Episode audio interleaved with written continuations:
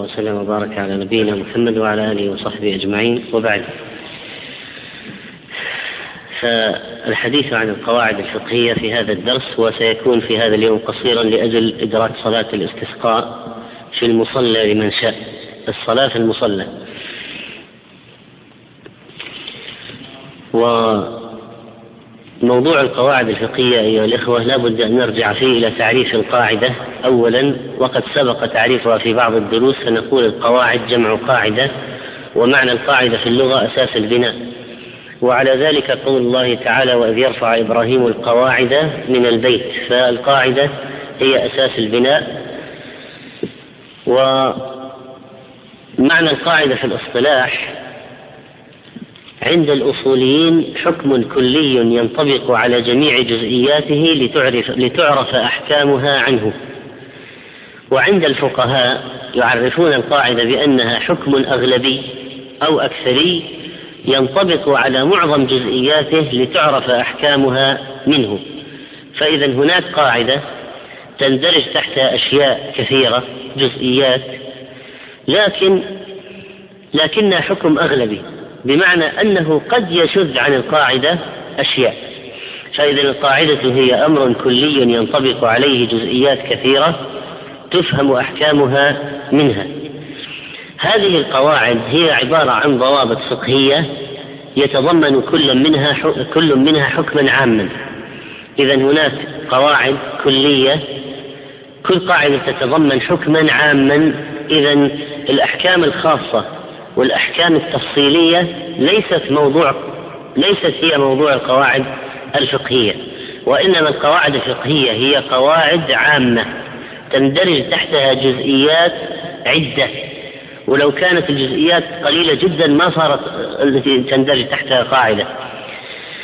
هذه القاعدة قد تكون قاعدة أصولية قد تكون قاعدة نحوية قد تكون قاعدة فقهية.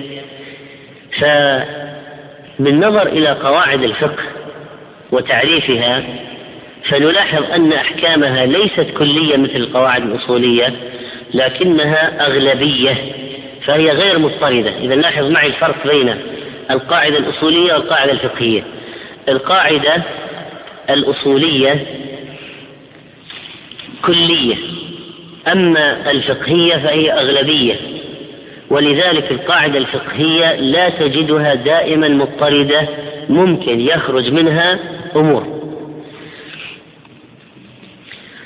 فإذا هذه القواعد الأغلبية الفقهاء يذكرونها في كتبهم ويرجعون إليها المسائل وهذه أهميتها أن الإنسان عندما يعرف القواعد الفقهية يستطيع أن يتصور مسائل كثيرة من الفقه.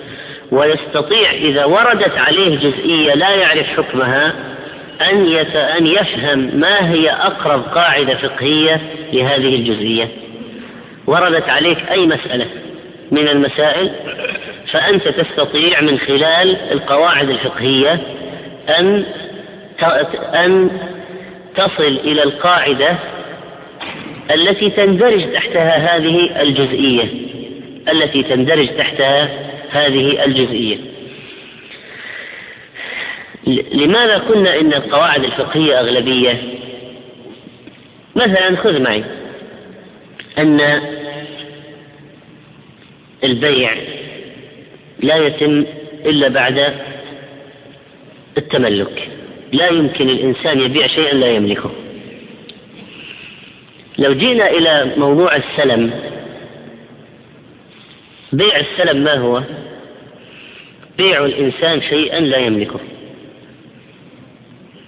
ولذلك لابد له شروط. له شروط قوية. فمثلا أن يكون الشيء المبيع أن. أن يستلم الثمن كاملا في مجلس العقد.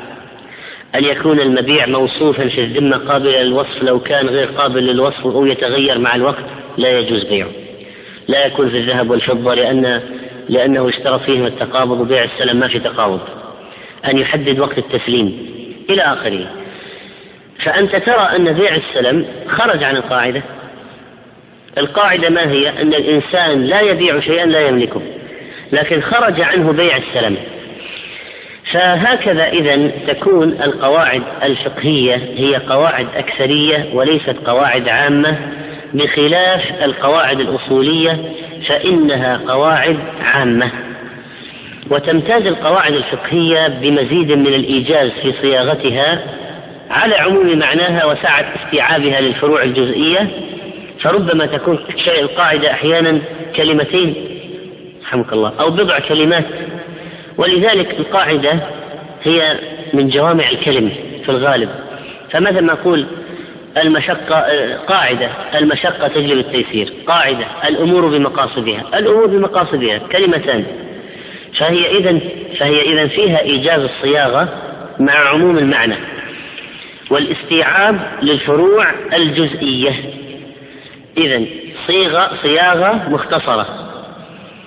والمعنى فيه عموم عام ليستوعب تحته فروعا جزئية وهذه القواعد الفقهية تضبط لنا فروع الأحكام ولو اختلفت أبوابها. فإذا ممكن قاعدة فقهية تندرج تحت مسائل من الطهارة ومسائل من البيوع مسائل من النكاح مسائل من الحج وهكذا وهكذا. وقال القرافي رحمه الله إن الشريعة المحمدية اشتملت على أصول وفروع وأصولها قسمان. يقول الشريعة المحمدية اشتملت على أصول وفروع وأصولها قسمان. أحدهما المسمى أصول الفقه وأغلب مباحثه في قواعد الأحكام الناشئة عن الألفاظ كدلالة الأمر على الوجوب.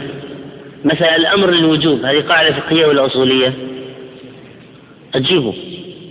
أصولية. النهي للتحريم. أصولية. فهذه قواعد الأحكام الناشئة عن الألفاظ كدلالة الأمر على الوجوب ودلالة النهي على التحريم وصيغ العموم مثلا مسائل النسخ هذه من أين تأتي؟ في الأصول الترجيح قواعد الترجيح أين تأتي؟ في الأصول والثاني هو القواعد الكلية الفقهية وهي جليلة القدر وقبل أن نكمل كلامه أريد أن أسأل سؤالا آخر. أي أيهما تتوقع أكثر القواعد الأصولية أو القواعد الفقهية؟ القواعد الفقهية أكثر. لأن قواعد أغلبية تندرج تحتها جزئيات وتلك قواعد كلية قواعد كلية مضطردة في الغالب إنها مضطردة. تتعلق بألفاظ الشارع كدلالة الأمر على الوجوب والنهي على التحريم إلى آخره. أما القواعد الكلية الفقهية فهي جليلة القدر كثيرة العدد مشتملة على أسرار الشرع وحكمه. لكل قاعدة من الفروع في الشريعة ما لا يحصى. ولم يذكر منها شيء في أصول الفقه وإن أشير إليها فيها.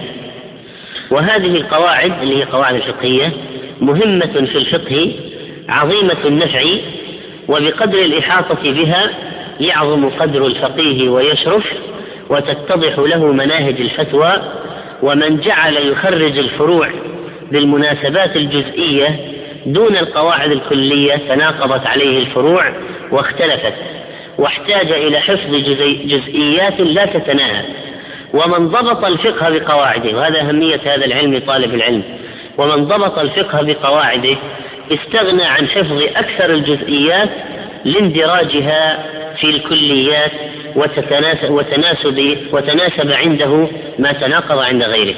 وتناسب عنده ما تناقض عند غيره. وهذه القواعد الفقهية المأثورة في الفقه الإسلامي ليست على درجة واحدة من العموم والشمول. فهناك مثلا قواعد كلية كبرى وهي القواعد الخمس أشمل مما عداها. فمثلا الأمور بمقاصدها.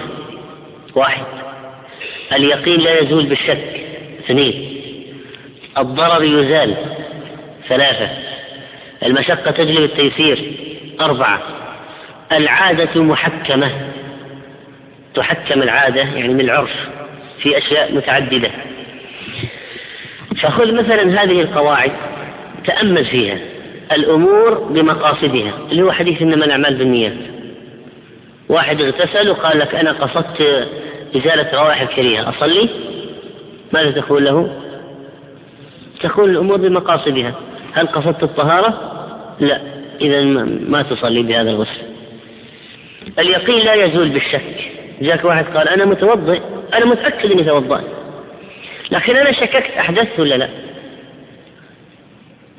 ماذا تقول؟ تقول اليقين لا يزول بالشك. أنت تعرف القاعدة. وإن لم تعرف الدليل الجزء الدليل الخاص بهذه المسألة لكن تعرف القاعدة. طيب جاءت واحد قال أنا شككت أني أنا طلقت زوجتي ولا لا؟ ماذا تستعمل؟ أي قاعدة؟ قال لك أنا شككت أنا أنا تشككت إني طلقت زوجتي ولا لا؟ ولا أدري الآن هل هل هي مع وهذا كلام قديم يمكن انتهت العدة ويمكن طلعت من عصمتي. فماذا تقول له؟ اليقين لا يزول بالشك. طيب ما هو اليقين؟ عقد النكاح. تقول أنت متأكد أنك عقدت النكاح؟ يقول نعم. أكيد؟ نعم. والطلاق؟ يقول أنا شاك فيه. يمكن طلق يمكن لا. فماذا نقول؟ اليقين وهو عقد النكاح لا يزول بالشك. فلاحظ معي أن مرة مثلا كانت المسألة مسألة في الطهارة. تيقن الحدث تيقن الطهارة وشك في الحدث. ومرة كانت مسألة في النكاح أو في الطلاق لكن نرجعها إلى القاعدة وهي اليقين لا يزول بالشك. وهذه القاعدة مهمة جدا ونافعة وللموسوسين أيضا. فهذه القواعد حفظها يغنيك عن حفظ مسائل كثيرة وتستطيع إذا وردت عليك المسائل أن تعيدها. وهذا فيه تدريب وميران مهم جدا جدا لطالب العلم. قاعدة الضرر يزال. هذه قاعدة كثيرة. واحد قال لك قال هذا جاري فتح الشباك علي الآن هو يكشفني. ارتفع علي ببناء وأشرف علي. أنا دورين وهو بنى ثلاث أدوار أو أربعة وجعل شبابيك علي. إيش الحكم في الشبابيك اللي في الدور الثالث والرابع هذا؟ نقول الضرر يزال يسكر الشبابيك. وهكذا لو قال أنا جاري سوى بيته ورشة يستعمل فيه مثقب مثاقب تشتغل في الليل عمال في الليل يشتغلون. نقول يمنع لقاعدة الضرر يزال وهكذا. المشقة تجلب التيسير. المشقة تجلب التيسير. إذا وقعت مشقة عظيمة جدا في أمر من الأمور. جلبت تيسيرا فصار الحكم مثلا جائز أو لا بأس. وهكذا فإذا نلاحظ أن لو ألقينا نظرة عن القواعد الفقهية لوجدنا بأن القواعد الفقهية هي قواعد آه، قواعد أغلبية لا قواعد أغلبية تندرج تحتها جزئيات وأن هذه القواعد تتفاوت في الأهمية فهناك قواعد أشمل من قواعد أو أهم من قواعد مثل هذه القواعد الخمس. فهناك قواعد مثلا أقل منها أهمية. لماذا؟ لأن أقل منها شمولا. لأن أقل منها شمولا. مثلا إعمال الكلام أولى من إهماله. هذه قاعدة لكن دون تلك في الشمولية وبالتالي الأهمية. هناك قواعد ذات مجال ضيق تشتمل على فروع فقهية لكن الفروع التي تندرج تحتها أقل. أو تختص بنوع معين. فلو أخذنا مثلا قاعدة ذكرها السبكي في الأشباه والنظائر كل كفارة سببها معصية فهي على الفور. يعني تؤدى على الفور. هذه قاعدة فقهية لكن المسائل التي تدخل تحتها أقل من المسائل التي تدخل تحت اليقين لا يزول بالشك. فيقول هو في كتاب الأشباه والنظائر من القواعد ما لا يختص بباب يعني ممكن يكون بالطهارة في الجهاد في الحج في البيوع في النكاح. من القواعد ما لا يختص بباب كقولنا اليقين لا يزول بالشك. ومنها ما يختص كقولنا كل كفارة سببها معصية فهي على الفور تؤدى على الفور. إذا كان سببها معصية. إذا كان سببها ليس بمعصية يفهم من الكلام أنه عندك وقت. مع الترا على التراخي. إلى الموت. على التراخي. طيب كل كفارة سببها معصية فهي على الفور. هذه قاعدة. لكن قاعدة أقل نطاقا من قاعدة اليقين لا يرفع بالشك. قال والغالب فيما اختص بباب أن يسمى ضابطا. ومن هنا نريد أن نعرف الفرق بين القاعدة والضابط. الفرق بين القاعدة والضابط ليس كبيرا بمعنى أنه قد تستعمل القاعدة بمعنى الضابط وقد يستعمل الضابط بمعنى القاعدة.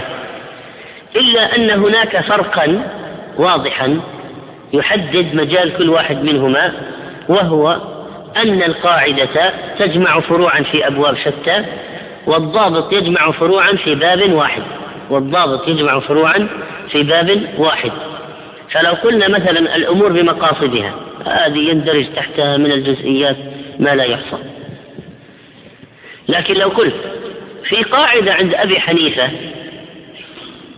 في قاعدة عند أبي حنيفة أن المحرم إذا أخر النسك عن الوقت المؤقت له أو قدمه لزمه دم.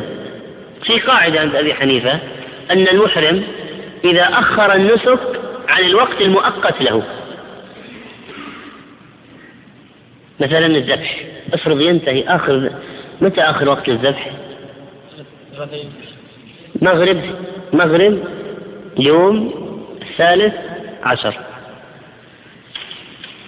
إذا أخ المحرم إذا أخر النسك لكن نريد أن نأتي بشيء يتعلق بالمحرم حتى لا نخرج عن القاعدة. المحرم إذا أخر النسك عن الوقت المؤقت له أو قدمه لزمه دم. لزمه دم. هذا عند أبي حنيفة رحمه الله. هذا إيش يصلح أن يسمى؟ ضابطا. لماذا؟ لأنه جاء كله في باب الحج أو الحرام في الحج وليس مشتملا داخلا في أبواب شتى. والقاعدة في الأغلب متفق عليها بين المذاهب. في الغالب القاعدة الفقهية تجد أنه متفق عليها المذاهب. بينما الضابط فنجد أن الضابط قد تختص بعضها بمذاهب بمذهب دون آخر. بمذهب دون آخر. فهذا فرق آخر بين الضابط والقاعدة. القاعدة كما قلنا القواعد الفقهية حكم أغلبي ينطبق على معظم جزئياته وقد يدخل فيه فروع من أبواب شتى وهي أكثر عددا من القواعد الأصولية حتى قالوا إن القواعد الفقهية في المذهب الحنبلي تصل إلى 800 قاعدة تقريبا. ونحن نعرف أن الفقه هو علم يبحث في أحكام المسائل الفرعية المستنبطة من الأدلة التفصيلية والجزئية. ما هو موضوعه الفقه؟ أفعال المكلفين من حيث الحكم عليها بالوجوب أو الاستحباب أو الإباحة أو الكراهية أو التحريم. فلما يقول لك واحد هذا علم الفقه يعني علم الفقه يبحث في ماذا؟ يقول ابحث في أعمال المكلفين من أي جهة؟ من جهة أحكامها الخمسة. يعني علم الفقه يخبرك هل هذا الشيء يا أيها المكلف أنت البالغ العاقل المسلم؟ هل هذا حرام ولا واجب ولا مكروه ولا مباح ولا مستحب؟ هذا وظيفة علم الفقه. وأما علم أصول الفقه فهو مجموعة القواعد التي تبين للفقيه كيفية استخراج الأحكام من الأدلة الشرعية. كما قلنا مثلا أن هذا للوجوب وهذا هذه الألفاظ للوجوب هذه الألفاظ للتحريم. فهذا الفرق أما أصول أما الفقه يقول لك هذا حلال هذا واجب هذا مستحب هذا كذا. وذاك يقول لك ألفاظ الشارع. إيش الألفاظ اللي تدل على الواجب؟ إيش الألفاظ اللي تدل على المحرم؟ إيش الألفاظ التي وردت؟ الأمر والنهي وما يتعلق بهما مثلا. فأصول الفقه يبين أصول الشريعة. ويرسم المنهج لتعرفها ويحدد الحدود للفقيه وأما وأما والقواعد الفقهية مجموعة من الأحكام المتشابهة التي ترجع إليها هذه الجزئيات. طيب القواعد الفقهية هذه طبعا ما نشأت فجأة كلها وما وجدت فجأة وإنما تطور يعني تطور العمل فيها الفقهاء مثلا عبر الزمن بدأوا يستخرجون ينظرون في المسائل الجزئيات ويستخرجون قاعدة كلية عليها وهكذا ويصير في تنازع في كلام ورد حتى تتمحص الأمور على شيء معين. فلم تكن القواعد الفقهية مفردة بالتدوين قبل القرن الثالث الهجري ولم تكن الصياغة التي انتهت إليها فيما بعد إلا عن طريق التداول والصقل والتحرير على أيدي كبار فقهاء المذاهب في مجال التعليل والاستدلال. طيب لو واحد قال القواعد الفقهية هذه ما هي مصدرها؟ من أين نبعت من أين أتينا؟ من أين أتوا بها؟ فنقول أتوا بها من تعليلات الأحكام الفقهية. تعليلات الأحكام الفقهية أعظم مصدر لتقعيد هذه القواعد الفقهية. تعليل لماذا؟ لاحظ السؤال. لماذا صار هذا كذا؟ لماذا؟ هذا مصدر أساس مصدر كبير للقواعد الفقهية الكبرى. فتطورت هذه الكلام في هذه القواعد وجمعت وصارت آه، بعد ذلك علما مستقلا صارت علما مستقلا وصارت مجموعة في بعضها في كتب جمعت في كتب ولعل الإمام أبو طاهر الدباس من أول من جمع مثلا في قواعد المذهب الحنفي 17 قاعدة في مؤلف وكان ضريرا يكرر تلك كل ليلة تلك القواعد بمسجده بعد خروج الناس منه لتفهمها وتدبرها. وكذلك ألف مثلا النسفي رحمه الله في هذا ومن أشهر المؤلفات في هذا الموضوع موضوع القواعد الفقهية. ما ألفه آه، السبكي في الأشباه والنظائر وما ألفه الزركشي في المنثور في ترتيب القواعد الفقهية وما ألفه ابن رجب الحنبلي وهذا من أعظم الكتب على الإطلاق في آه، تقرير القواعد وتحرير الفوائد. المطبوع تحت عنوان القواعد في الفقه الإسلامي قواعد ابن رجب. مثلا الأشباه والنظائر عنوان آخر للسيوطي الأشباه والنظائر عنوان آخر لابن نجيم رحمه الله وهكذا. وكتاب القواعد الفقهية للعلامة عبد الرحمن الناصر السعدي رحمه الله هذا الكتاب بسط فيه القواعد الفقهية بسط فيه القواعد الفقهية وجمعها وشرحها شرحا لطيفا وأورد عليها أمثلة وهذا ما سنعرفه بمشيئة الله في الدرس القادم حيث سنبدأ بها.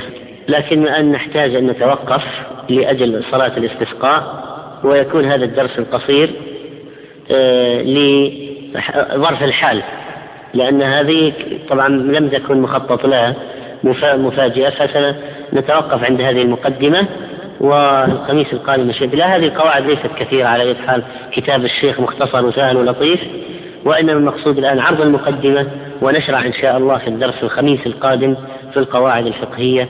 ولي بن سعدي وصلى الله وسلم على نبينا محمد.